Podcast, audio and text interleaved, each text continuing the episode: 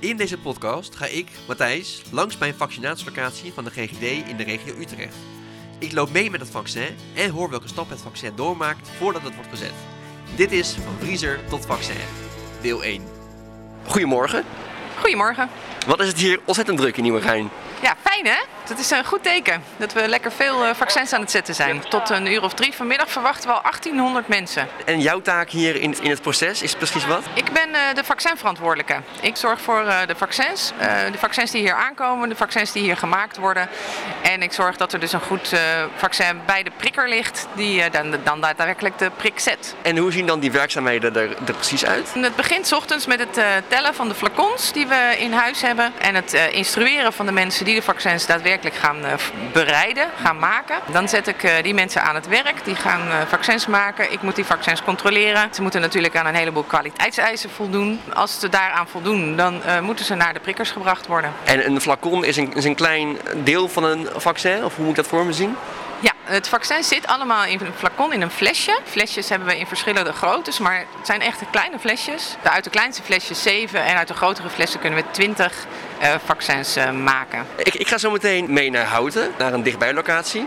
En ik begrijp dat hier ook vaccins liggen op, opgeslagen die daarheen gaan. Ja, deze locatie is inderdaad, worden ook de pakketten klaargemaakt voor de dichtbijlocaties, waarvan Houten er dan eentje is. We sturen iedere dag vijf van dat soort locaties sturen wij hier vandaan uh, weg. Ja. En wij, maar, wij bereiden dat voor. Wij zorgen dat de materialen er zijn en dat de flacons, dus de flesjes, geteld en klaarstaan om mee te gaan naar die locaties. Wij maken van tevoren een inschatting van het aantal afspraken wat er staat. En op basis van het aantal afspraken wordt een x aantal flesjes uh, naar houten toegestuurd.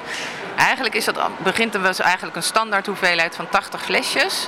En het kan dus zijn dat als het heel druk wordt, dat er nog meer flacons naartoe moeten. En hoe gaat zo'n voorbereiding dan van die, van die flesjes? Nou, de flesjes gaan in zijn geheel in een koelkast naar de locatie. En op de locatie wordt er dan uh, daadwerkelijk een vaccin van gemaakt. En wij zorgen dus hier vandaan dat ze ook het materiaal meekrijgen waarmee ze dan die vaccins daar ter plekke kunnen maken. En liggen die uh, flacons hier in de vriezer? Nee, ze liggen hier in, allemaal in koelkasten. En die koelkasten die worden gekoeld tussen de 2 en de 8 graden. Mm -hmm. En ook de koelkasten die het, in het transport meegaan die moeten ook tussen de, 8 en of de 2 en de 8 graden blijven.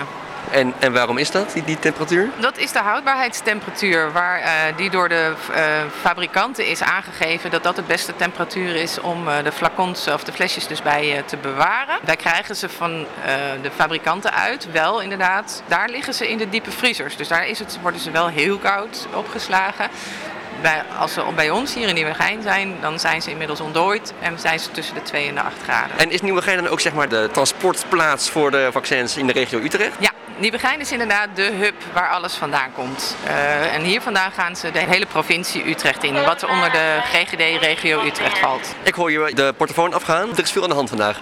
Ja, het is lekker druk en uh, we gebruiken de portofoon inderdaad om uh, met elkaar uh, te communiceren. Het is te groot natuurlijk om dat met gewoon geluid te doen. -hmm. Dan zou het herrie nog erger worden hier. We geven ja, aan of er op verschillende plekken mensen nodig zijn. Er zijn een aantal mensen die hebben een vaste plek waar ze werken, maar waarvanuit ze soms naar een andere plek toe moeten. En dat zijn dus de boodschappen die over de portofoon worden aangevraagd. Dus dan hoor je, ik heb een arts nodig op lijn 3. Of ik heb een dagcoördinator nodig op het vaccinhok. Nou, op die manier uh, communiceren we met elkaar. Krijg je hier nog vaak van bezoekers nog veel vragen of, of vragen die, die veel gesteld worden aan jou? Nou, aan mij direct niet, maar um, vragen bijvoorbeeld uh, die ik wel hoor is dat mensen willen weten of um, het uh, vaccin wat in eerste instantie tegen de alpha-variant werkte, of dat nu ook nog steeds werkt uh, voor de Omicron-variant, waar we nu natuurlijk veel over in de krant lezen. Ja, precies. Om deze vraag zo goed mogelijk te beantwoorden heb ik contact gezocht met voormalig huisarts Ted van Essen. Het klopt dat er steeds nieuwe varianten komen, maar het is zeker zo dat het vaccin ook tegen deze Omicron-variant werkt. Misschien dat je nog wel een beetje verkouden kan worden of hoesterig, maar het beschermt heel goed tegen ziekenhuisopname of IC-opname. Kan ik even kijken in de koelkast waar de, waar de vaccins liggen? Ja, natuurlijk. Leuk, dat ga ik je even laten zien. We lopen nou een, een hokje binnen in de koelkastruimte. Ja, dit is de koelkastruimte. Ja. Dit uh, is uh, waar uh, alle vaccins die wij hier op locatie hebben, worden bewaard.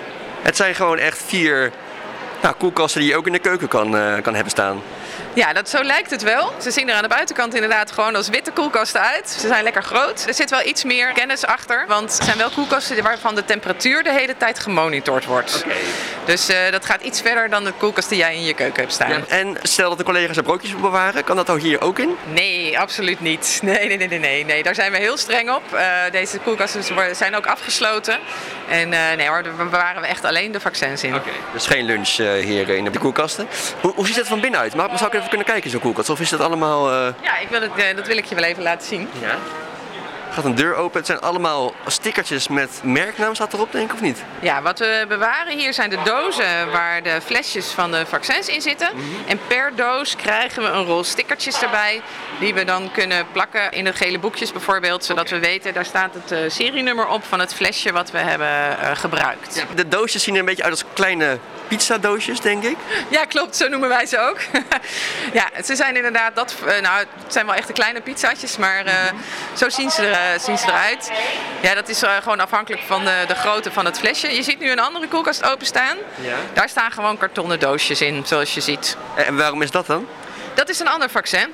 Ik ga hem nu weer dicht doen, want anders dan wordt hij snel te warm. Waar in deze koelkasten liggen dan de vaccins die zo meteen naar houten gaan? Een van de koelkasten is daarvoor apart uh, ingericht. Mm. Daar uh, liggen per plank liggen de dozen klaar die naar de verschillende locaties uh, toe gaan. En dat weet de chauffeur van zometeen ook welke die moet, moet meenemen? Je ziet, hier, je ziet hier twee collega's van mij aan het werk. Dat zijn de dagcoördinatoren die zich met dichtbijlocaties bezighouden. Ja. En die bereiden de uitgifte voor. En dat betekent dus dat zij weten welke dozen ze met de chauffeur moeten meegeven. Oké. Nou, dan ga ik je even aan de tand voelen, als dat, als dat kan. Goedemorgen, ik kom wat vaccins ophalen. Ben ik hier op het juiste adres? dat ligt eraan wie je bent natuurlijk. ik geef ze niet zomaar aan iedereen mee, uh, nee. nee. De beveiliging zit je goed uh, in orde? Precies, dat klopt helemaal.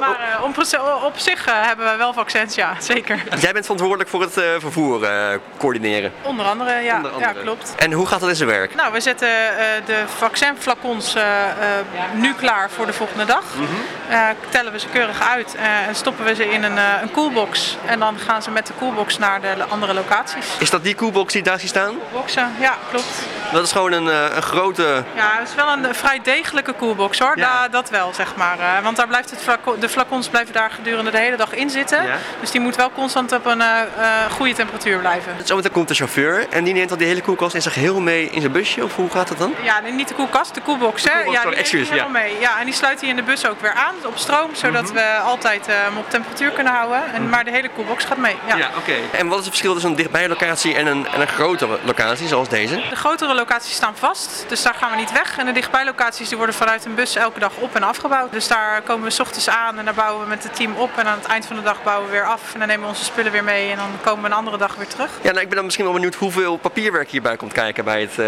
zetten van vaccins. Best veel, ja. Ja, ja want alles moet uh, veilig. En uh, we hebben een, uh, zoals we noemen, vier ogen principe. Dus het vaccin is nooit met één persoon alleen. Mm -hmm. en we vullen dus ook alles in op papier. Alles wat ergens naartoe gaat, wordt ingevuld, handtekening gezet. Als het ergens aankomt, is het, wordt er weer wat ingevuld. als het weer terug moet, aangeven hoeveel je gebruikt hebt, hoeveel er nog over is. Dus ja, best veel papierwerk. Er staan niet meer mappen met papier dan koelkasten in de opslagruimte.